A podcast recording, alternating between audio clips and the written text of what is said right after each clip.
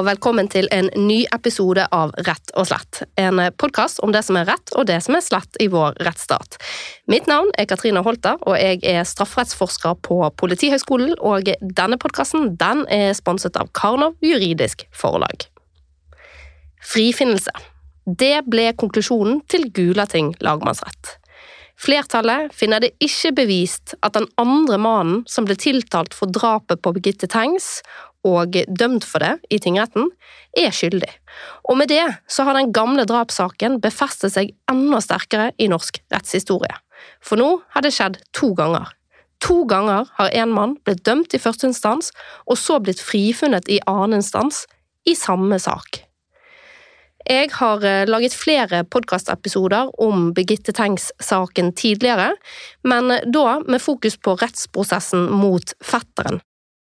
Og i de episodene så kan man høre om det som gikk galt i den opprinnelige etterforskningen, og om hvordan fetteren ble manipulert til å signere på en uriktig tilståelse av drapet. I denne episoden så skal vi snakke om den nye dommen, men eh, vi skal òg snakke mer generelt om hva som ligger i beviskravet, og om ulike metoder for å vurdere bevis. I studio så har jeg fått med kanskje Norges fremste ekspert på bevisteori. Eivind Kolflot er professor i rettsvitenskap og i filosofi på Universitetet i Bergen. Han var faktisk min biveileder på doktorgraden min, og eh, han er også aktuell med en ny bok om etterforskning på Karnov forlag. Det er veldig hyggelig å ha deg her. Hyggelig å være her. Eh, før vi går i gang, så vil jeg bare opplyse dere lyttere om at jeg er kanskje ikke helt eh, frisk i dag, og det hører dere nok på stemmen min, men jeg skal gjøre så godt jeg kan. Alt for mine lyttere, selvfølgelig. Og da, Eivind, når vi skal snakke nå om denne dommen her, så er jo det er forskjell fra en del andre dommer som vi gjerne diskuterer når det handler om bevisteori og bevisbedømmelse. Så, så er jo dette en frifinnedom. Vanligvis er det felledommer. Um, legger det noen føringer for samtalen? Ja, det legger vel de føringene at man må være litt mer varsom og tenke seg litt om på med hva man sier. Ehm, som du sier, så er det jo vanligvis fellende dommer som eh, eh, diskuteres, som eh, angripes, kritiseres. Her har vi en frifinnende dom, og da skal jo tiltalte betraktes som uskyldig når den frifinnelsen foreligger. Men så kan det heller ikke være sånn at man ikke kan diskutere en fellende dom. Man må kunne diskutere f.eks. deler av resonnement underveis i domsteksten. Man kan diskutere generelle prinsipper eller føringer på bevisbedømmelsen som kommer, og det er en god del av i denne domsteksten, mer enn vanlig, faktisk. Men det man gjerne bør avstå fra, det er jo å komme med en sånn overordnet vurdering om at her var det feil å frifinne, og selvfølgelig kan man ikke si uh, at uh, nei, den frifunne var likevel skyldig. Det, det går ikke an. Så er det selvfølgelig noe med hvilken rolle man er i. Eh, det, påtalemyndigheten har sin rolle. Eh, journalister og forskere har en litt annen rolle. Det er kanskje litt større spillerom for journalister og forskere enn det for påtalemyndigheten på det punktet. Men likevel, det å påstå at eh, han som nå er frifunnet, likevel er skyldig, det bør man avstå fra. Mm. Hva er det som er grunnen til at vi skal være forsiktige med det her, da? Det er jo denne uskyldspresumpsjonen, og at retten har kommet til en konklusjon, og den, den, den skal vi respektere. Og så skal jo eh, personen som er frifunnet, eh, ja, som nå har sittet varetektsfengslet i to år, skal jo tilbake til et liv og kunne leve et liv etter dette her. Og det betyr jo òg at uh, man kan gå lenger i uh, å mene noe om skyldspørsmålet hvis man mener til gunst for tiltalte, altså hvis det er snakk om en felledom, dom, ikke sant? Fordi at da er man ikke bundet av uskyldspresumpsjonen på samme måte.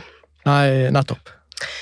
Ja, um, ok, men vi har nå likevel valgt å snakke om denne dommen, og det er jo fordi at uh, det er en avgjørelse som ja, vi, Jeg vet ikke om vi skal kalle den kontroversiell, men den har i hvert fall blitt litt debattert i ettertid. Og det skyldes jo spesielt det at uh, det er en sterk kritikk av påtalemyndigheten i denne avgjørelsen.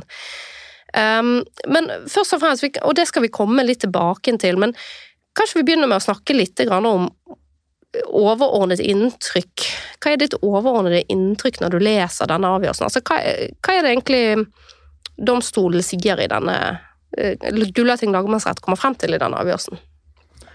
Ja, altså, Når dommen er kontroversiell, så kan vi jo skille kanskje mellom utfallet som overrasket mange fordi det var et DNA-bevis, og da har man lett for å tenke at da er man i mål. Men en annen side som kanskje har vært vel så mye debattert i ettertid, er jo den krasse kritikken som kommer mot påtalemyndigheten eh, i denne saken, i dommen. Eh, Lagmannsretten går ja, å si uvanlig langt, i hvert fall ingen overdrivelse. Jeg har ikke sett noe lignende når det gjelder kritikk av, eh, av påtalemyndigheten. Det dreier seg jo både om enkeltkarakteristikker, og det dreier seg om massiviteten, altså hvor mye sånn kritikk eh, som dette som finnes i domsteksten. Og jeg tror nok at hvis Eh, flertallet her i lagmannsretten hadde ønsket en mindre kontroversiell frifinnelse, så kunne man nok avstått litt fra de å komme med de generelle karakteristikkene. Man kunne nøyd seg med det konkrete mer, og overlatt mer til leseren å vurdere om f.eks. påtalemyndigheten har gått i en bekreftelsesfelle, som er noe av de tingene som sies i, i, i dommen. Ja, og når jeg leste denne avgjørelsen, så hadde jeg på forhånd hørt at det var mye kritikk mot påtalemyndigheten i dommen, så jeg tenkte at jeg skulle markere i grønt alt i dommen som, eh, som var kritisk mot påtalemyndigheten. Og for å si det sånn, det var mye som var grønt i det dokumentet når jeg var ferdig lest, eh, og jeg har eh, aldri vært borti lignende, egentlig. Ja, jeg kan jo si at jeg hadde jo eh, opplesningen på direkten da i bakgrunnen mens jeg jobbet med noe, men jeg hadde ikke mulighet for å konsentrere meg om å høre om det på dette her, fordi jeg hadde en tidsfrist som måtte rekke. Så det var bare litt sånn svakt i bakgrunnen. Eh, og jeg må innrømme da at eh, da jeg hørte opplesning av disse kritiske passasjene, så trodde jeg at det var eh, å referere forsvarernes anførsler, altså det forsvarerne hadde kommet med. Så jeg ble etter hvert veldig overrasket og oppdaget at dette er det faktisk retten selv som sier. Ut fra sånn gammel vane, sånn som jeg er vant til at domstekster skrives, så, så var jeg ikke inne på den tanken Eh, at dette var retten selv som, eh, som skrev. Mm. Nei, eh, og, og, jeg tenker um, at dette skal vi komme mer tilbake til, men la oss ta litt på innholdet. Altså, det er jo uh, viktig å få frem her at det er en enighet mellom partene om at det er et DNA-bevis som stammer fra tiltalte i denne saken, og vi velger nå å ikke bruke navnet hans, selv om han er navngitt i mediene. Litt fordi at Jeg tror jo også det at man har brukt navnet hans, har gjort at, at det blir vanskelig å diskutere dommen kritisk, da. Ja, det skaper kanskje litt større distanse, og det litt mer personlig når vi ikke bruker navn. Og så er det jo kanskje noe symbolsk i det at uh, Gjør i hvert fall en symbolsk forskjell, det at nå skal, har vi en frifunnet som skal tilbake uh, skal tilbake og leve et liv, og da er det ikke nødvendig for oss å repetere det navnet. Ja, så Vi kommer til å snakke om tiltalte, og det er altså enighet i denne saken mellom partene om at det DNA-et som er funnet på strømpebuksen til Birgitte Tengs oppe under strømpebukselinningen, det stammer fra tiltalte. Så har jo da påtalemyndigheten eh, hatt en hypotese om at eh, tiltalte, altså at dette DNA-et har kommet opp på linningen på strømpebuksen fordi tiltalte hadde blod på hendene når han dro ned denne strømpebuksen. Um, og de mener da at det ikke var noen annen realistisk forklaring på hvordan denne, dette DNA-et skulle havne på linningen. Hva er det egentlig som skjer i dommene? For, for dommerne er jo ikke enig i dette. Nei, flertallet i hvert fall.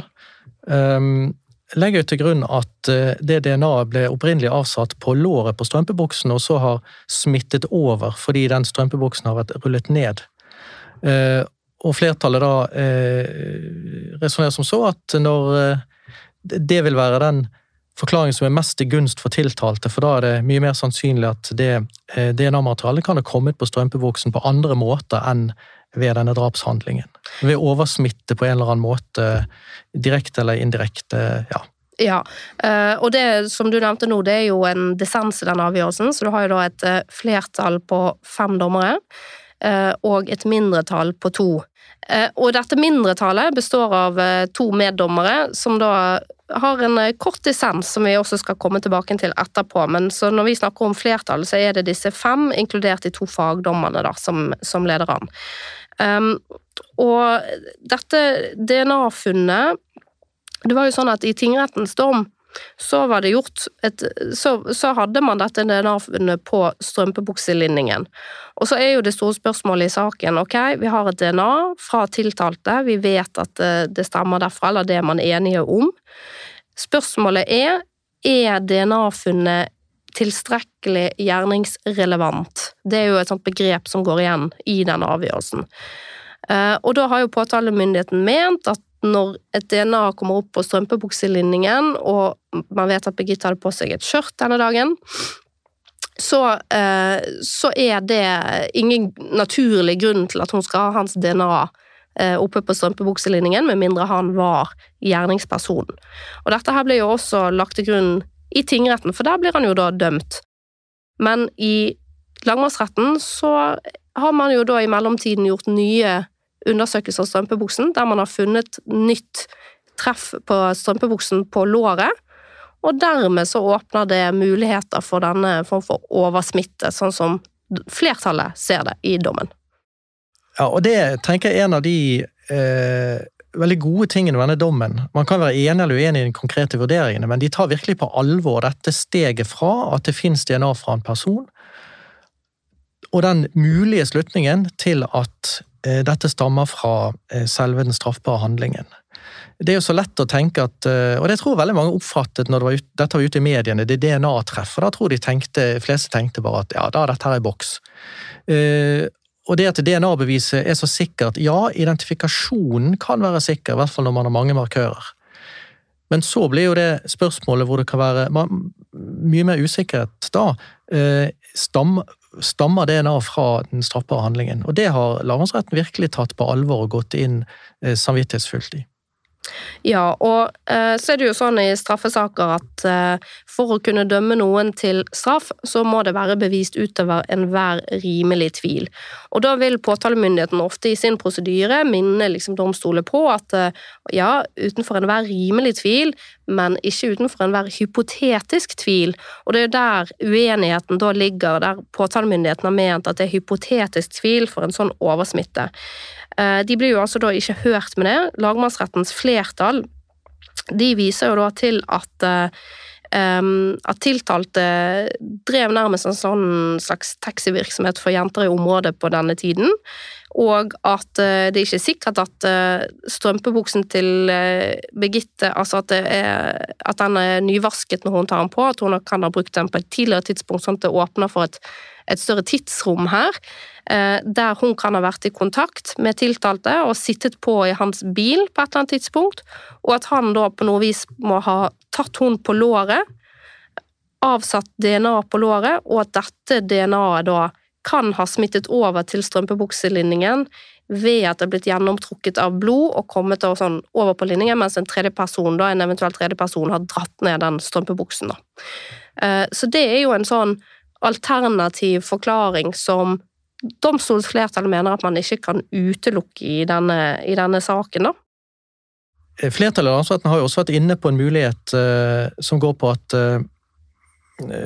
tiltalte var i en bowlinghall i Haugesund, uh, og at samtidig som noen, en bekjent av noen venninner av Birgitte, og at de traff på disse venninnene traff på denne bekjente, og disse venninnene de ga Birgitte en klem før de tok avskjed den aktuelle kvelden, og at eh, DNA-materialet kan ha blitt eh, overført eh, på den måten.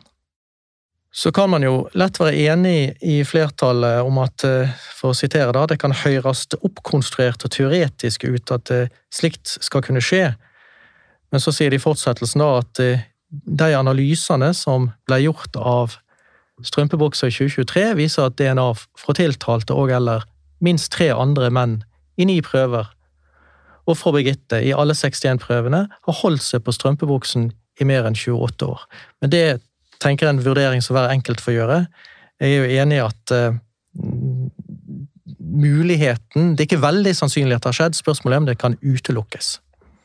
Ja, og det er jo her uh, noe av kritikken mot dommen som har kommet i andre foraer, har vært at eh, at den type eh, resonnementer blir litt hypotetisk. At eh, det blir nesten sånn så kom det en måke, og så kom Ikke sant?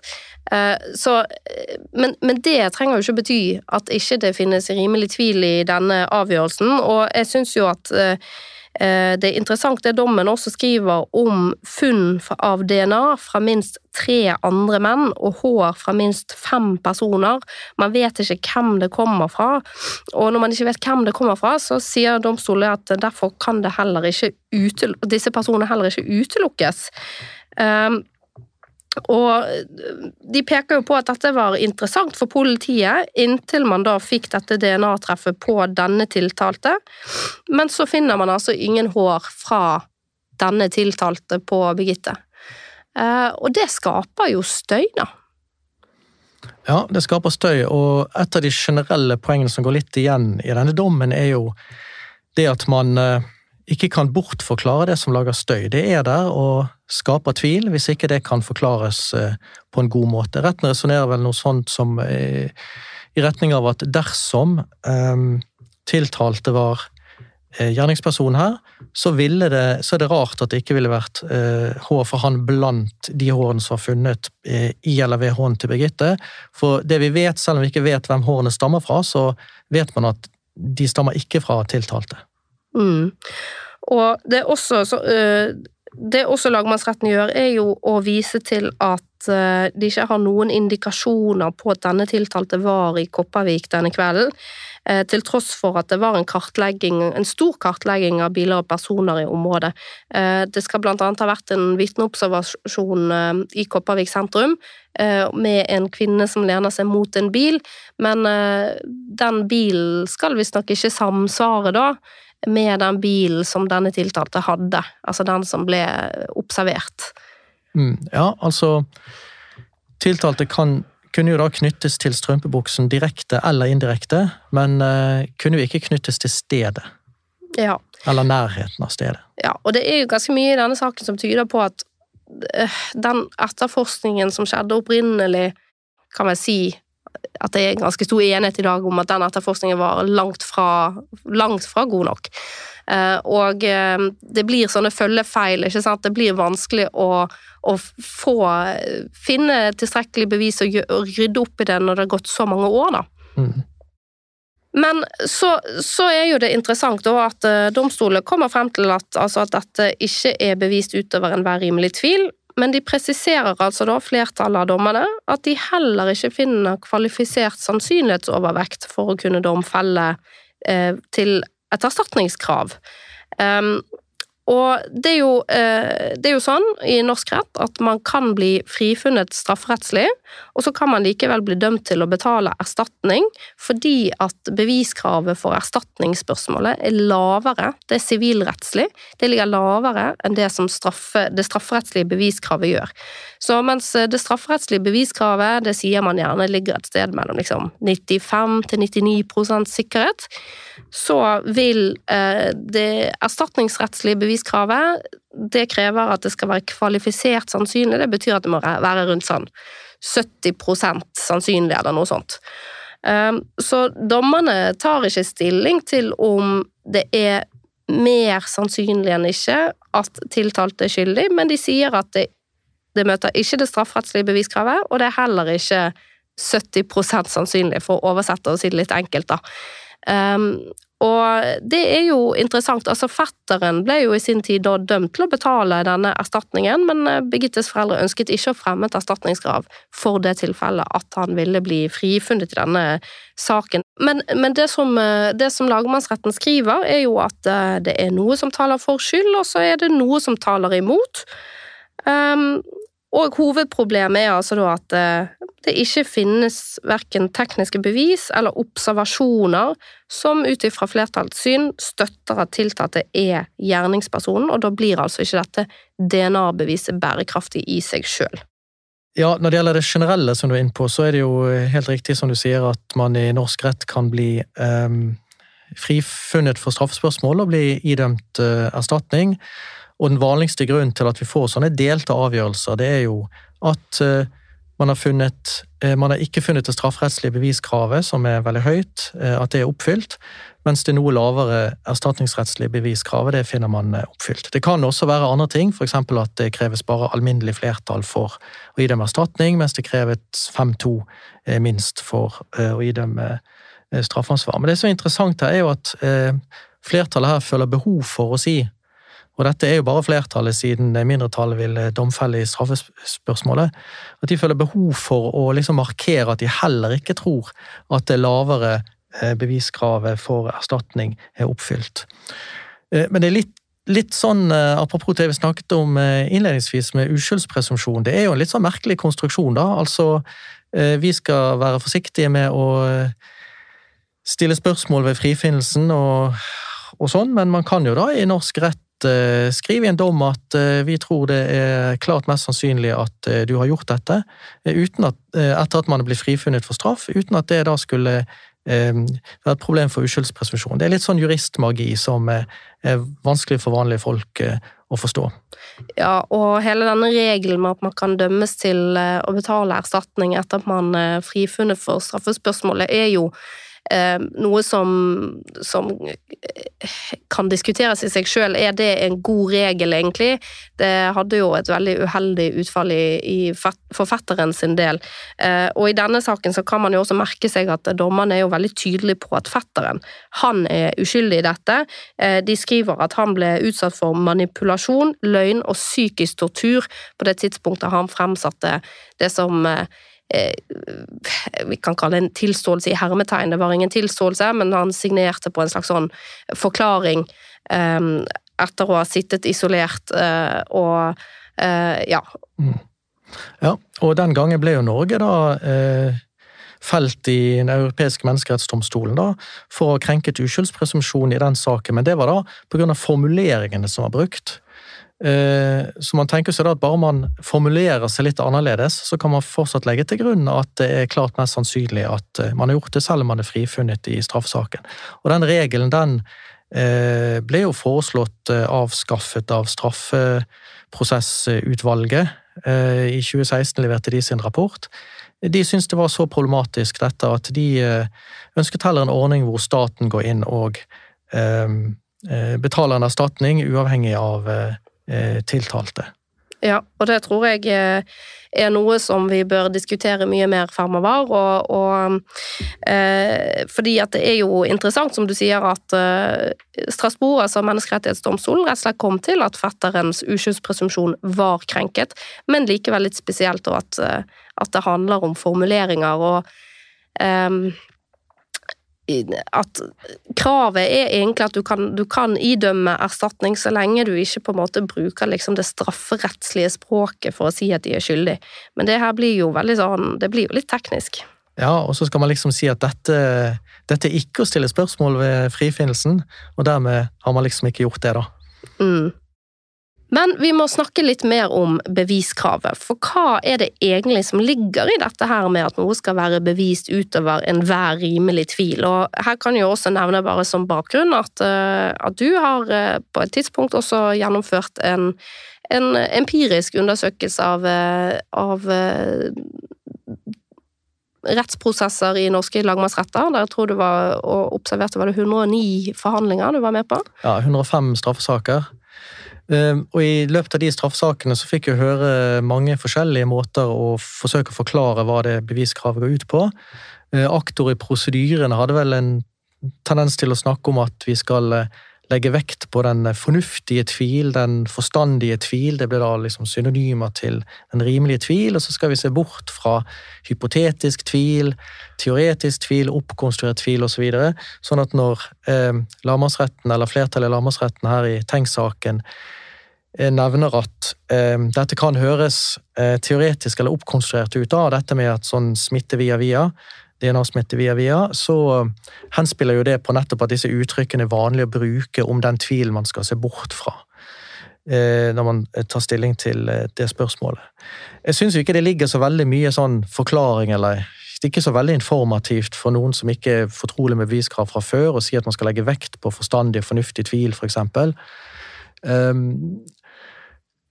men det har vært en veldig vanlig måte å forklare det på. På dommerrommet, Jeg var jo med under domskonferansen også, det var jo det som var det interessante her. Jeg ble med og hørte etterpå bak lukket dør. Eh, sant? Eh, og da bare Domskonferansen, det er altså det eh, den konferansen som dommerne har når de trekker seg tilbake igjen, og nå skal de ta stilling til skyldspørsmål, og den diskusjonen de da har internt. og Det er jo da en, en, lukket konferanse som ikke skjer for åpen rett, og der var du til stede. Ja, nettopp. Og det føres heller ikke noe referat eh, om hva som skjer der.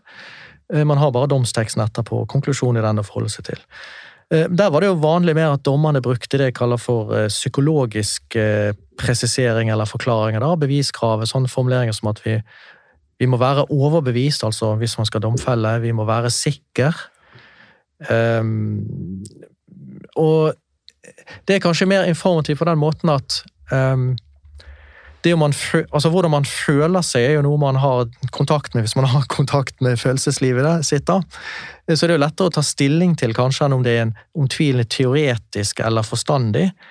Eh, det som kanskje kan komme inn da, hvis man spiller veldig på det emosjonelle her, er jo at eh, man kanskje begynner å legge vekt på ting som eh, ikke har så mye med saken å gjøre, f.eks. konsekvenser for tiltalte hvis vedkommende blir domfelt. At sånne ting kan komme inn i dette hva skal vi si, ubehaget, da, eller eh, følelsen av å være sikker eller være ukomfortabel med å domfelle osv.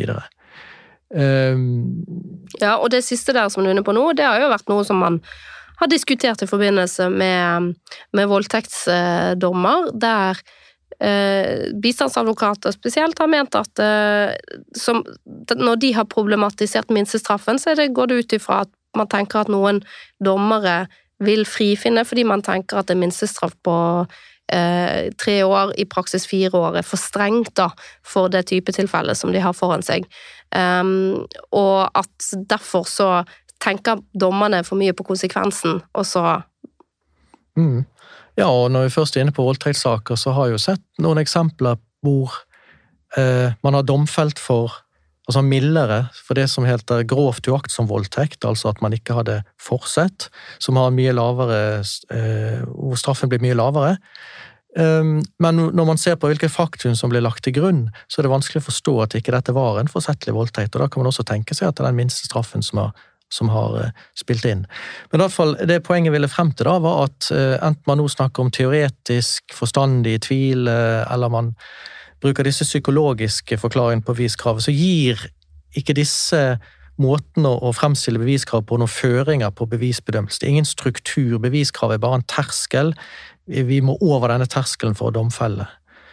Uh, det som har skjedd de senere årene, er jo da at man har begynt å tenke Eh, beviskravet som noe har, som har en struktur, det er ikke bare en terskel, det er også en struktur, som da legger føringer på eh, bevisbedømmelsen. Fordi bevisbedømmelsen må da reflektere den strukturen som ligger i, i beviskravet. Ja, eh, som andre, så Hvis man kan formulere beviskravet på en, måte, på en annen måte, så kan den bidra også til å gi en veiledning inn i hvordan man skal gå frem metodisk for å vurdere bevisene. Ja, nettopp. I kvalitetsrundskrivet fra Riksadvokaten, som kom i 2018, så har man eh, fremstilt det som nettopp som at det er en sånn sammenheng mellom bevisvurdering og beviskravet. Eh, de sier der at beviskravet kan presiseres gjennom krav til en overordnet strukturering av bevisvurdering, der bevisene ikke bare skal vurderes under den antagelse at mistenkt er skyldig, men også i lys av hypoteser om hendelsesforløp som innebærer at vedkommende ikke er skyldig. Og Det innebærer jo da at eh, i bevisvurderingen så må man rett og slett oppstille en antagelse, oppstille en hypotese om at tiltalt er uskyldig. Det er naturlig å gjøre det først. Og så stille spørsmål, spørsmål her om det er noe som eh, blir vanskelig da å forklare i samsvar med det, den hypotesen. Må man oppgi den hypotesen, så å si, i lys av bevisene? Og, og akkurat dette her er jo lagmannsretten inne på. De viser direkte til den eh, formuleringen av beviskravet i, eh, i, eh, i kvalitetsrundskrivet. Men du har jo også i din bok formulert et alternativt beviskrav som er i samsvar med dette som Riksadvokaten har gjort. Der, eh, hvordan er det du formulerer det der? Jeg har nevnt dette flere ganger tidligere i denne podkasten. Ja, jeg har brukt litt forskjellige formuleringer. da. Vi kan holde oss til eh, Riksadvokaten, kanskje, som er det mer autoritative her. Her fremgår det at man må få domfelle så må to krav være oppfylt. Man snakker om et positivt krav. Det er at må foreligge opplysninger i saken som er vanskelig å forklare hvis siktede er uskyldig. Og så snakker de om et negativt krav, at det ikke må foreligge opplysninger som er vanskelig å forklare hvis den siktede er skyldig. Og eh, lagmannsretten, eller flertallet i lagmannsretten er jo inne på disse tingene som de mener lager støy, da, som lager problemer for skyldehypotesen. Disse hårene, DNA-materialet fra andre menn på strømpebuksen, osv. Et veldig sånn velkjent eksempel på uh, noe som lager støy eller lager problemer for skyldhypotesen, har vi i Baneheia-saken, dette mobiltelefonbeviset, som gjorde det veldig lite sannsynlig, isolert sett i alle fall, at Viggo Kristiansen var på åstedet da dette, da dette skjedde. Det var uh, tekstmeldinger inn og ut gjennom den telefonen via basestasjoner som etter all sannsynlighet ikke dekket åstedet. Og dette ble forsøkt bortforklart. Men én ting denne dommen er veldig tydelig på, det er at sånn for, eh, det som lager støy for skyldhypotesen, det kan man, kan man, ikke bare ignorere. Det må man eh, ta tak i. Eh, forsøke å finne forklaringer på. Um, og det er jo lett kanskje å Altså, ja Inne mer sånn sveipende bevisvurdering, da, i motsetning til det flertallet gjorde her, som er en veldig samvittighetsfull prøvelse av bevisene, det må man kunne si. Og av beviskrav, en håndhevelse av beviskravet, som er ja, samvittighetsfull. Ikke minst. Og um, så er det kanskje lett at man ja, Det var noe støy der, men uh, det er sikkert riktig, påtalemyndigheten pleier å ha rett, osv. Så sånn. Men, men eh, lagmannsretten tar virkelig her tak i dette. Mm. Det finnes jo da ulike metoder for bevisvurdering. Og i denne podkasten så har jeg tidligere snakket om og introdusert både fortellingsperspektivet og slutningsperspektivet. Um, kan du si litt om disse ulike modellene? For hver gang jeg har snakket om disse, så har jeg vært sånn åh, nå skulle jeg hatt Eivind Kolflot med meg i studio, for det er jo han som har skrevet uh, godt om dette her i Norge.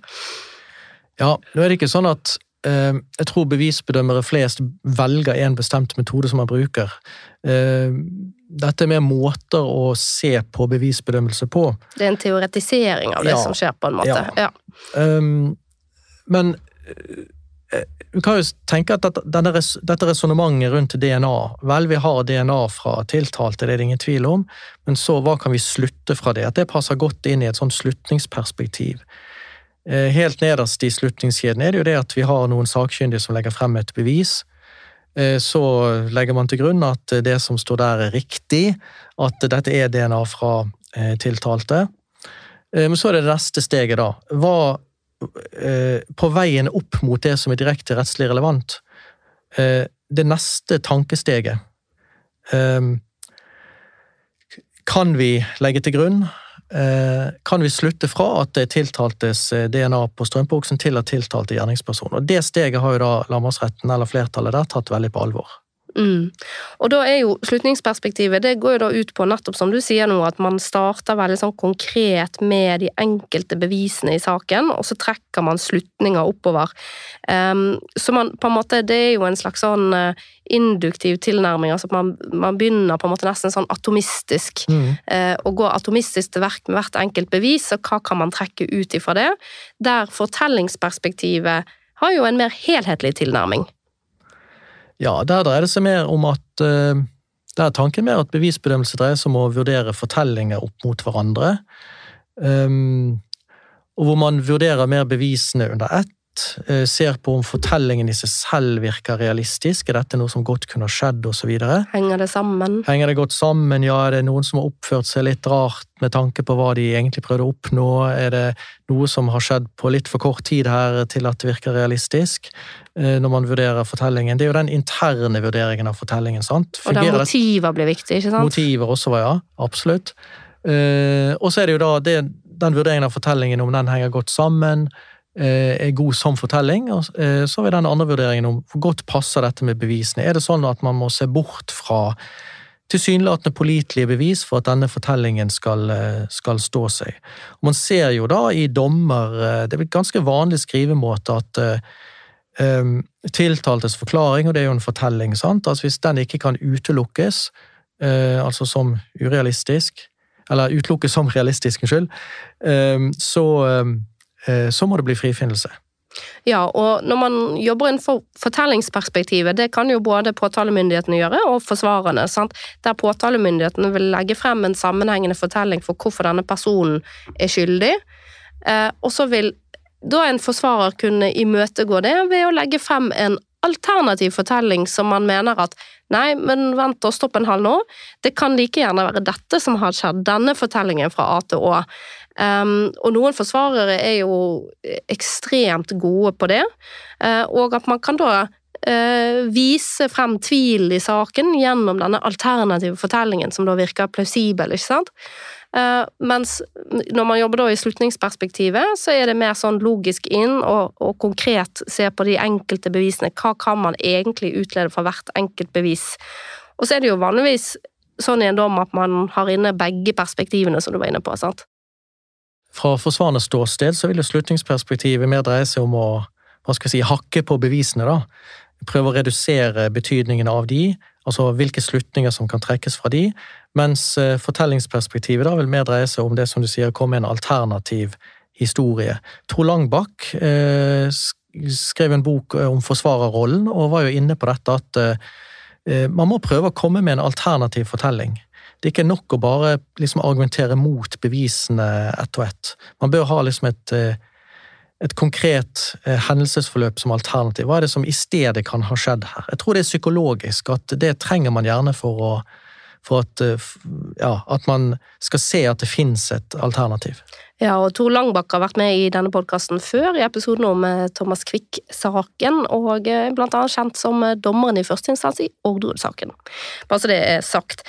Um, men så er det jo sånn da, når man bruker fortellingsperspektivet og slutningsperspektivet, så er det jo viktig at eh, hvis man bygger denne helhetlige fortellingen, så, den, så, bør den hele veien kontrolleres ved hjelp av slutningsperspektivet, sånn at man ikke overdriver fortellingene.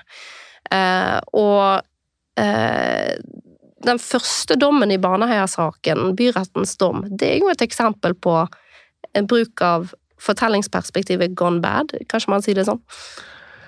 Jo, men her dreier det seg Kan man like gjerne si at det dreide seg om at uh, fortellingen ikke gikk opp. For ha, man hadde jo dette mobiltelefonbeviset, og tingretten uh, i Baneheia-saken, sånn som jeg leser dommen, så legger de til grunn at en sakkyndig fra Telenor har rett i at um, denne basestasjonen ikke dekker åstedet. Men den fortellingen de da kommer med om hvordan uh, Viggo Kristiansen likevel kunne ha manøvrert seg inn og ut av dekningsområdet, de spekulasjoner rundt det. Eh, det har jo Frode Helmik Pedersen vist at det går rett og slett ikke opp. De må bli tvunget til å reparere begynnelsen av fortellingen eh, og slutten av fortellingen, men da på måter som ikke, hvor den ene reparasjonen så å si motsier den andre. Mm, og her har jo det vært eh, Frode Helmik Pedersen er jo litteraturviter, professor i litteraturvitenskap, eh, og har vært med også i denne podkasten før og snakket nettopp om eh, fortellingene i Baneheia-dommen. Um, I det var episode fire og fem av denne podkasten, om jeg husker rett her på sparket.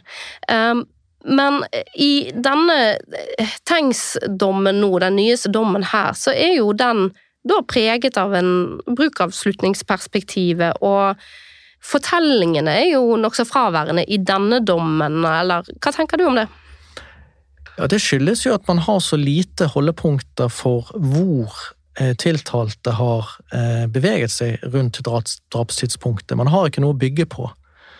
Hadde det vært en eh, bomstasjonpassering, hadde det vært eh, noe mobiltelefondata, altså basestasjoner osv., så, videre, så kunne man jo hatt noe å henge det på, men det har man ikke. Man har bare DNA-treffet på et klesplagg. Men finnes også andre modeller? Vi har snakket nå om eh, fortellingsperspektivet og slutningsperspektivet. Finnes det andre modeller for bevisbedømmelse? Ja, man har jo de som er veldig sånn tilhengere av en sånn matematisk, sannsynlighetsteoretisk tilnærming, men eh, det virker litt sånn urealistisk da ute i det praktiske liv, med den bakgrunnen som fagdommere og meddommere har. Det er nå én ting.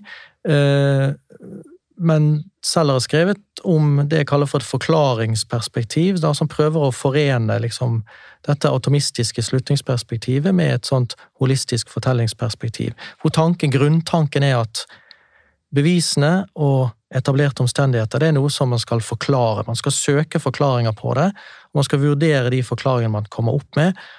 Og det er jo det eh, lagmannsrettens flertall her gjør. Jeg vil si at de eh, følger den tankegangen eh, veldig godt opp, da. Så kan man være enig eller uenig i de konkrete vurderingene igjen, men, men strukturen i dette her er at eh, det man har, det er det en grunn til at man har. Det er en forklaring. Det fins en forklaring. Det fins en riktig forklaring på at man har det, og det skal man prøve å finne ut av. Ja, og det som har vært litt sånn jeg eh, skal ikke kalle det nytt lenger, for det er ikke så veldig nytt nå lenger, men det som har, man har sett i forbindelse med avhørsteknikker, er jo at man på en måte får inn i etterforskningen denne hypotesetenkningen. Altså at man hele tiden skal eh, oppstille alternative hypoteser, som vi har vært litt inne på her òg, og undersøke disse alternative hypotesene. Og hvis de kan utelukkes, så står man igjen med skyldhypotesen. Um, og at det er en måte å jobbe på for å prøve å unngå å havne i bekreftelsesfellen. Uh, flertallet i lagmannsrettens dom de skriver jo da at Eh, og, og kritiserer påtalemyndigheten for at eh, man eh, kan ikke spekulere til tiltaltes ugunst, men så skriver de også at man derimot har en plikt til å spekulere til gunst. Hva tenker du om det? Altså det, det knytter seg jo opp til hypotesetenkning. For, forstår du sånn det de mener at man har, en, man har, en, plikt til å gjøre en hypotesetenkning også når man står i, i retten, da? Ja, sånn oppfatter jeg det, og jeg tenker at her eh flertallet kobler seg på egentlig den eh, hypotesetenkningen som eh, som i hvert fall i prinsippet skal være rådende da innenfor politiet og eh, påtalemyndighet. Ehm, så kan man diskutere om det med ordet 'spekulere' da er velvalgt, for da tenk, får man gjerne assosiasjon i retning av noe spekulativt, men det de mener er vel å bruke fantasien, prøve å altså vurdere ting som det ikke er holdepunkter for. Eh, altså selv om det ikke finnes holdepunkter for det. Um, men de skriver da eh, at uh, politiet, påtalemakten og retten har en plikt til å spekulere til gunst for tiltalte. og det, det har, Den setningen har jeg ikke sett før i en, i en norsk dom. Men det, jeg tenker det er ikke noe sånn veldig sensasjonelt i det heller. Dette er den samme tenkemåten som nå skulle gjennomsyre politi og påtalemyndighet. Mm. Og så er det jo likevel sånn, da, som du sier, at det må ikke bli spekulativt. Altså, det må jo ikke bli helt, uh, helt, teoretisk, og det er kanskje der noe av kritikken mot dommen har kommet, knyttet til uh, dette med at det kan ha skjedd en oversmitte i en bowlinghall som tiltalte kanskje kan ha vært i, uh, og dermed møtt noen andre som igjen har møtt Birgitte, og sånn overført dette DNA-beviset. Da, da tror jeg Eh, at denne andre alternative hypotesen som eh, dommen peker på om at, eh, at han drev en taxivirksomhet, at den, den, hypotesen på en måte har mer for seg, da. Så er det ett punkt jeg tenker at flertallet her blir litt i overkant ivrig. Og det er jo dette her med, som vi var inne på tidligere, at flertallet legger til grunn at DNA-materialet fra tiltalte det ble ikke opprinnelig avsatt ved linningen, eh, men nede ved låret. Og så flertallet eh, De legger da til grunn at eh, eller tenker så at vi må legge til grunn at det kommer fra låret, for det er mest gunstig for tiltalte, for da blir det mindre gjerningsrelevant. Sant? Da er det mye større sannsynlighet for at dette kommet til på annet vis enn vi har tiltalt var gjerningsperson. Så det er det gjort, og det er jeg ikke kritisk til. Men jeg tenker det går litt langt når det i neste omgang blir en slags sannhet, at man skriver som om dette er noe man vet. Eh, de kommer med et, eh, et argument her eh, hvor de sier at dersom tiltalte gjerningspersonen er det grunn til å stille seg spørsmål om hvorfor han bare skulle legge igjen DNA på låret, men ikke rundt linninga. Og Da blir dette fremstilt som at vi på en måte får vi inntrykk av at eh, vi vet at det ikke ble lagt igjen ved linningen, men sånn er det jo ikke. Det vet vi ikke. Eh, det er bare at retten har lagt det til grunn eh, tidligere, fordi det var mest til gunst for tiltalte. Så her må vi skille mellom det som legges til grunn fordi det kan utelukkes og til gunst for tiltalte, og det som vi faktisk vet. Og dette vet vi ikke, men det blir likevel en premiss i resonnementet. Så her syns jeg, akkurat på det punktet syns jeg lagmannsretten blir litt, eh, litt for ivrig. Ja, for da på en måte tar man med seg noe som var tvilsomt, og så gjør man det til en sannhet. nettopp. Til et senere stadie i resonnementet, og dermed så Det bygger jo også opp til denne kritikken av påtalemyndigheten. Ja, nettopp. Og det at noe ikke kan utelukkes, betyr bare at det er en liten mulighet for at det er tilfellet. Mm. Ok. Um, um, har du noen andre tanker om bevisvurderingen i denne dommen, noe vi ikke har vært inne på? Ikke sånn kommer på i farten. Um, Den konkrete bevisvurderingen er jo litt sånn forsiktig med å kommentere. Jeg tenker det, det har jo litt med min rolle å gjøre. Jeg tenker at jeg ikke skal gjøre meg til dommer over en konkret bevisvurdering. Jeg tenker at uh, min rolle er heller å snakke om de mer generelle prinsippene og føringene for bevisvurderingen som, som kommer i, i denne dommen. Um, Og det er jo viktig å understreke sant, at ingen av oss har jo vært til stede i retten og sett bevisførselen. Eh, Men når vi, så når vi diskuterer denne dommen, så er det på grunnlag av den begrunnelsen som lagmannsretten selv har gitt for, eh, for sin bevisbedømmelse. Og i den grad vi kritiserer begrunnelsen, så trenger ikke det nødvendigvis reflektere på den reelle situasjonen. Eh, For det, det har ikke vi noen forutsetninger for å mene noe om hva som faktisk skjedde i retten. Neida, og for eksempel om det er grunnlag for den karakteristikken om bekreftelsesfelle, altså når flertallet sier at eh, politi og påtalemyndighet har gått til bekreftelsesfelle, så vet ikke jeg om det er grunnlag for å si det. Altså Noen av de eksemplene i hvert fall som de eh, trekker frem, som skulle underbygge det, oppfatter jeg som eh, ja, forstandig, forstandig resonnement. Når for eksempel ja, det dreier seg om påtalemyndighetens eh, argumenter for at det ikke har skjedd en sånn eller sånn smittekjede da fra den bowlinghallen i, i Haugesund. Jeg klarer ikke å se at det som de kommer med der, skulle være så veldig sånn klart eksempel på at man har gått i en eh, bekreftelsesfelle. Modusbegrepet. Det er jo også noe som eh, blir diskutert litt, eller blir tatt opp i denne dommen. Um, vi hørte jo i altså i Baneheia-saken så var jo man veldig på på den tiden på at eh, Viggo Kristiansen var en moduskandidat. Uh, og det har man jo i ettertid uh, Det har jo blitt kritisert at man overdrev veldig at han hadde, skulle ha en bakgrunn som var relevant for å si at han nødvendigvis måtte ha gjort dette drapet. Han hadde jo, ikke, han hadde jo aldri han hadde jo aldri drept noen. Eh, sant? Og han hadde noen, noen seksualsaker på seg, men hva tenker du om Hva er det egentlig dommerne sier om modusbegrepet i denne dommen? Ja, altså man kan tolke det avsnittet de skriver om modus der eh, mot slutten, som at de tar et lite oppgjør med det man kan kalle en sånn utglidning av modusbegrepet. Eh, altså Modus betyr jo egentlig fremgangsmåte. Altså at man har gjort noe på en bestemt måte.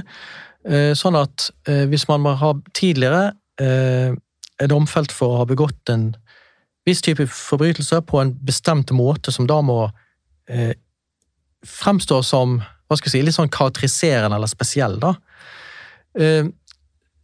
Og så har man senere en forbrytelse som er begått på lignende måte. Så er det relevant å snakke om modus.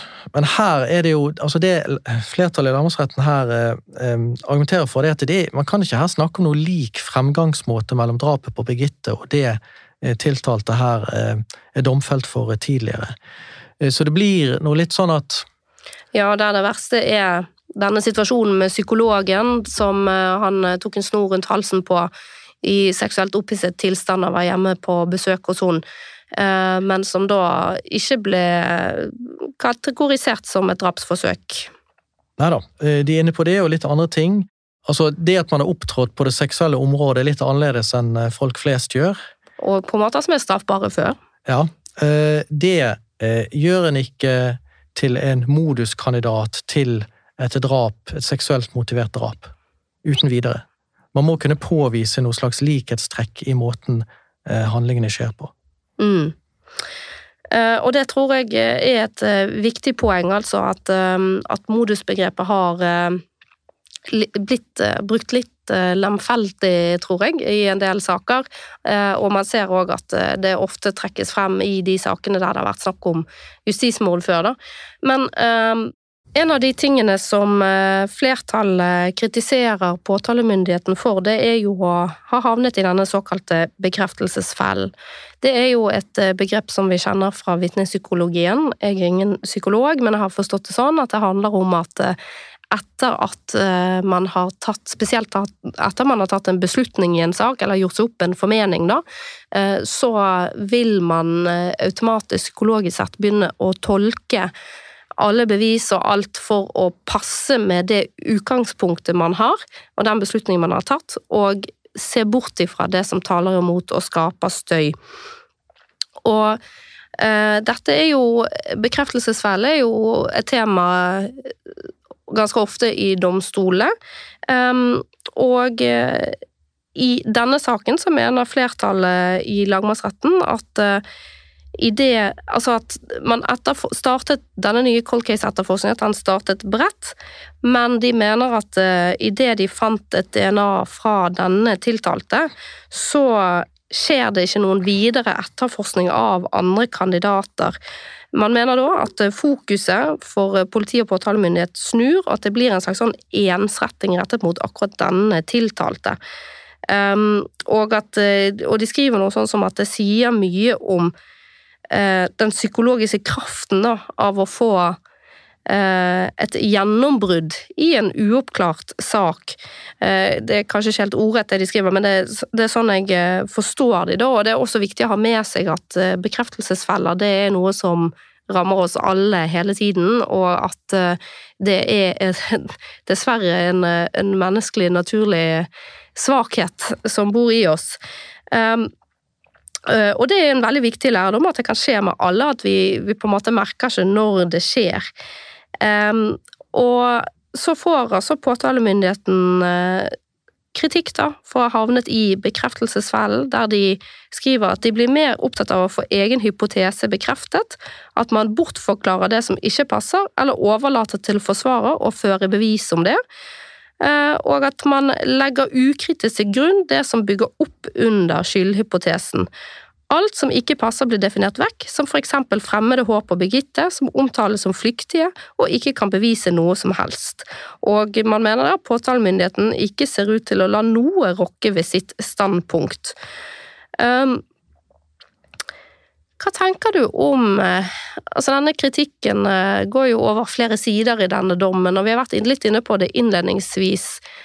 Eh, det virker jo som jeg nevnte, jeg vet ikke om jeg nevnte det i sted, men det virker jo nesten som at de har blitt litt grann forbanna, disse dommerne. At de opplever at ikke de har fått tilstrekkelig hjelp fra påtalemyndigheten til å forstå tvilen rundt bevissituasjonen. Og jeg må jo bare si at jeg personlig jeg har jo kan jo innrømme at jeg har skrevet en anke eller to i mitt liv som forsvarer der jeg skrev og var ganske forbanna, og når du leser de om igjen i ettertid, så ser man at det er ikke det fineste arbeidet man har avlevert. Man burde kanskje ikke skrive dom når man er sint? Ja, om de var sinte, de har nok god tid på seg, i hvert fall. Til å skrive dommen, god tid til å tenke gjennom og hvilke formuleringer som skal brukes. Så ja, og jeg skal legge til med en gang at jeg vet jo ikke hva som har skjedd i hodene til dommerne, bare så det er sagt. Nei, da. Men altså, jeg, man kan få litt inntrykk når man leser. Jeg tror ikke det er skrevet i affekt, da, men uh, de har nok vært litt så ivrige og følt behov for å markere, og som sagt, det er jo en både i enkeltformuleringer og massivitet, sant, så er jo dette her um, helt uh, veldig uvanlig. Og um, det er jo også derfor denne dommen har fått Ikke bare utfallet, men det er jo også derfor denne dommen har fått blitt mye diskutert. Um, så har ikke jeg noe grunnlag for å vurdere om de karakteristikkene og dette med bekreftelsesfelle er, er, er, riktig eller ikke. Som sagt, eh, eh noe av det påtalemyndigheten har kommet på, virker for meg som forstandige betraktninger her, som er sitert, som skulle være liksom, indikasjon på denne bekreftelsesfellen. Um, men det er nå engang sånn at fremgangsmåten Altså hvis man ønsker en å avkrefte en hypotese, så er den mest effektive måten å gjøre det på, og nå tenker jeg da en skyldig hypotese, så er den mest effektive måten å gjøre det på, er å stille opp en alternativ hypotese som man prøver å bekrefte. Sånn at hvis man har fått bekreftet den, så har man avkreftet den skyldige hypotesen. Og eh, jeg kan ikke ut fra dommen liksom vurdere om eh, den, de forsøkene på å bekrefte de alternative hypotesene ikke har vært helhjertede, for det er jo egentlig det flertallet sier. sant? De har egentlig ikke prøvd. Ja, Påtalemyndigheten har ikke prøvd. Eh, Påtalemyndigheten har ikke prøvd, nei. Mm. um, om det er treffende, dekkende, det har ikke noe grunnlag for å uttale meg om. Nei, og det er jo også et parti i dommen der eh, dommerne, flertallet, går ganske langt i å spekulere i hva påtalemyndigheten ville ha gjort hvis de hadde funnet andre ting. Eh, som, som jeg også syns er litt eh, Kanskje går litt langt, da. Ja, kanskje det er dekning for å si det, men så er det jo kanskje sånn at det ikke alt man har dekning for som behøver å bli sagt. Eh, det gjelder kanskje flere ting i denne domsteksten. Ja, jeg, jeg opplever i hvert fall kritikken som såpass massiv og så, og så, mye at jeg lurer litt på sånn man får, jo, man får jo følelsen av at det er et slags oppgjør som tas. Ja. Uh, og én uh, ting er er det riktig at det oppgjøret skal tas akkurat i denne saken mot disse aktorene, fordi jeg var jo ikke til stede i retten, så jeg stiller nå bare spørsmålet, men de som har vært der, de sier jo det at de har ikke opplevd at akkurat disse aktorene var spesielt påtalebikkje, som man gjerne sier når de blir litt ivrige på å skulle bevise skyld. Eh, men at, at de lå innenfor det som man oppfatter som vanlig eh, påtalepraksis i domstoler, da. Og hvis det er tilfellet, så er jo det en, eh, et ganske viktig poeng, for det betyr jo da at, at dette oppgjøret egentlig ikke bare med akkurat disse to aktorene som sto i denne retten, men at det er et oppgjør med påtalemyndigheten litt mer generelt. Um, og man må jo stille da spørsmålet er påtalemyndigheten i dag, er aktorene i dag gode nok til å overholde dette såkalte objektivitetsprinsippet når de først har tatt ut en tiltale og står i retten. Eh, det er noe som jeg har stilt spørsmål ved i denne podkasten før. Eh, er man flinke nok til å ta det på alvor når man først kommer til domstolen? Jeg har hørt ganske mange påtalejurister som mener ikke mange, men jeg har hørt at det er en oppfatning der ute om at eh, ja, når vi først har tatt ut tiltale og går i retten, så må det på en måte være greit å være taktisk og um, på en måte Da gjelder ikke objektivitetsplikten lenger. Det er jo en misforståelse. Objektivitetsplikten gjelder jo fullt ut, og objektivitetsplikten den går jo da så ut på at man ikke bare skal legge frem det som taler til ugunst, men også det som taler til gunst for tiltalte. Altså du skal være, Som aktor så skal ikke du være en hvilken som helst advokat som prosederer en sak, du skal jo være på en måte talerør for sannheten. Mm. Ja, og at objektivitetsplikten også gjelder hovedforhandlingen, det kan ikke være tvil om. Men det er psykologisk vanskelig, da. Man har tatt ut tiltale gjerne, eller i hvert fall vært enig i at det var tatt ut tiltale. Um, og det skal man jo bare gjøre hvis man er overbevist om, om tiltaltes skyld. Og at man er overbevist om at man kan føre bevis for det i retten? Ja, og har man først den overbevisningen, så er det jo vanskelig da, kanskje psykologisk sett, å ha den åpenheten. Nå skal det også sies at det hender eh, fra tid til annen at en eh, aktor under hovedforhandlingen legger ned påstand om frifinnelse. Eh, ser at nei, dette ser annerledes ut enn det gjorde før, når vi nå har hørt bevisene, og legger ned påstand om frifinnelse. Og det har jeg også opplevd i, i saker jeg har fulgt. Ja, og når det skjer, så er det jo da viktig at det er jo ikke et nederlag. Ikke sant? Det er jo ikke et nederlag for påtalemyndigheten å gjøre det, det er jo at de nettopp da tar objektivitetsplikten på alvor. At de ser at ok, nå når vi får sett saken i retten, får sett bevisførsel i sin helhet, hører tiltaltes forklaring, så er vi ikke lenger overbevist enten personlig om skyld eller om at vi kan føre bevis for dette til en felledom. dom. Og da er det riktig, da skal de nedlegge frifinne påstand, så denne objektivitetsplikten den gjelder jo helt gjennom hele saken. Mm. Så jeg tenker i hvert fall at uh, selv om uh, man kan diskutere om kritikken blir litt vel krass i denne avgjørelsen, og nesten sånn at det blir litt sånn sjangerbrudd for, dom, for en dom, så, så, er det likevel viktig at man ikke på en måte bare rister på hodet og Um, og, og, på en måte gå videre og, og glemme denne avgjørelsen. Jeg tenker at det kan være lærdom her i, i forhold til hvordan man skal da eh, Eller når det gjelder hvordan man da skal opptre i, i retten også, da. Mm. Og så har det jo vært en eh, diskusjon i ettertid da, om eh, statsadvokatene da bare bør ta til seg det som står i den dommen, eller om eh, de har grunn til å gå ut imot dette. For det har jo vært Foreningen for statsadvokater har jo annet vært ute og reagert på at disse aktorene ble nevnt ved navn, da. Men har eh, påtalemyndigheten grunn til å være litt snurt? Altså, ut fra måten dommer vanligvis skrives på, så er jo dette et brudd med den sjangeren og de forventningene man da har til hvordan en dom skrives. Eh, her er det profesjonelle aktører som skal gjøre en jobb. Den er kanskje lettere å gjøre, og lettere å fungere i den rollen, eh, hvis dommene skrives i en litt mer sånn, hva skal vi si, avdempet form, da, som har vært vanlig. At det lett kan oppfattes personlig når kritikken blir så krass. Og så er det jo litt spesielt, tenker jeg òg, med denne voldsomme kritikken når du samtidig har et mindretall som ønsker å domfelle, som er enig med påtalemyndigheten. For det er jo en dissens i denne dommen, og det må vi snakke litt mer om. Ja, det er en dissens. Um, og det er et punkt hvor jeg litt, stusser litt på denne dommen, og det er domsteksten, måten den er skrevet på. Og det er jo det at um, man snakker her om retten og lagmannsretten i store deler av dommen, hvor det egentlig er flertallets syn eh, det er snakk om. Eller det vil si, det kan være godt, det er godt mulig at mye av det som sies også mindretallet er enig i. Det vet vi ikke, fordi dette fremstilles som lagmannsrettens syn. Og dette er jo lagmannsretten, eller flertallet, da inne på. Um, uh, når de skriver i dommen at uh, det ville være for tungvint og hvis eh, lagmannsretten først skulle bruke tid på å avklare det som man er enige om, og etter hvert påpeke det som man ikke er enige om. Eh, og Derfor kommer de til å bruke uttrykk som retten, lagmannsretten, eh, også når, de, når, det bare er på vegne av flertallet. Det syns jeg er prinsipielt uheldig. Altså her kommer, Dette er en stor sak. Her kommer eh, mindretallet eh, til slutt, etter behandlingen av det sivile kravet, helt til slutt i dommen med syv linjer.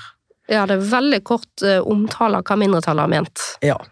Um, nå var jeg ikke til stede på domskonferansen. Jeg har vært til stede på domskonferanser hvor det har vært meddommere med sterke meninger, men vanskelig å få så mye begrunnelse, så det kan godt være at, det kan godt være at domskonferansen forløp på en måte som gjorde at dette tross alt var den beste løsningen, men jeg mener at det er noe prinsipielt uheldig ved at man snakker om retten og lagmannsretten når det ikke er, dreier seg om hva som man er enige om. Og Derfor blir det veldig ugjennomsiktig. Hva er det de alle er enige om? Hva er det bare som er flertallets eh, mening? Så, I hvert fall når man kommer til den oppsummeringen eller den samlete vurderingen til slutt, kunne man i hvert fall koste, på, eh, koste på seg å, å, å, å snakke om flertallet. Ja, det blir jo litt sånn òg at når mindretallet sitt syn blir gjengitt såpass kort, og man i tillegg bruker denne rettens vurdering når det er flertallets eh, vota man egentlig skriver, da, eh, så, så, får du eh, jo en situasjon der disse to meddommerne som er uenige, blir litt eh, De blir jo litt lite synlige i denne teksten, da. Eh, og det er jo selv om, selv om meddommerne ikke er fagdommere, så er det jo like viktige dommere som de andre. Altså, du, du er jo der, og du har et selvstendig ansvar, og du, eh, du er dommer på lik linje som de andre, så du er ikke noe mindre viktig selv om du er lekdommer, altså at du, du ikke er jurist.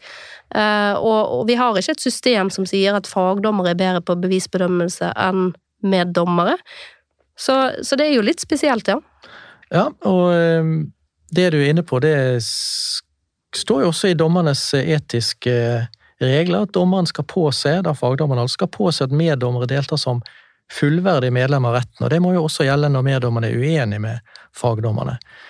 Men som sagt, det kan være at uh, domskonferansen har Diskusjoner på bakrommet har forløpt på en måte som gjorde at dette var det, uh, dette var det beste man kunne få til. Men jeg har jo vanskelig for å tro at hvis det var en fagdommer som dissenterte, at det ville komme som syv linjer til slutt. Mm. Ja, det tror jeg du har helt rett i. Og så er det jo ofte sånn at det er, av, altså at det er fagdommerne som skriver dissensen på vegne av meddommerne, da. Ja da. I praksis. Ja da, det er det. Ok. Eh, jeg tror eh, vi nærmer oss avslutningen på dagens episode. Jeg eh, håper dere litt har blitt eh, litt klokere på denne avgjørelsen. Men før vi avslutter helt, så kommer vi til den siste spalten. Og da, Eivind, lurer jeg på om du ville fremheve noe som du synes er rett eller slett i vår rettsstat? Ja, vi vil gjerne da knytte det til denne saken, da, eller i hvert fall til det området vi er på. Her sitter vi i studio og diskuterer en dom på nærmere ja, på 40 sider. Det hadde vi ikke kunnet gjøre før 2018, når vi hadde jury. Da ble jo ikke begrunnelse for skyldspørsmålet Da fikk vi ingen begrunnelse for skyldspørsmålet.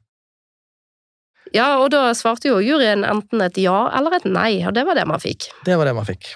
Eh, og det ble jo sterkt kritisert, eh, og det var jo eh, en viktig begrunnelse for å avskaffe juryen. Slett. Ja, da er det jo fristende å nevne det at ja, tendensen innenfor påtalemyndigheten til å motarbeide også gjenåpningsbegjæringer som det er grunnlag for å ta tak i. Og da kan vi gjerne nevne Baneheia-saken som det mest groteske eksempelet på det. Ja, det er et veldig godt eksempel på det, ja. Det var eh, det vi hadde tid til i dag. Tusen takk til Eivind Kolflot, som har vært med her i studio. Og eh, takk til dere der hjemme, som har hørt på helt til veis ende. Jeg er tilbake med en ny episode om to uker. Vi høres!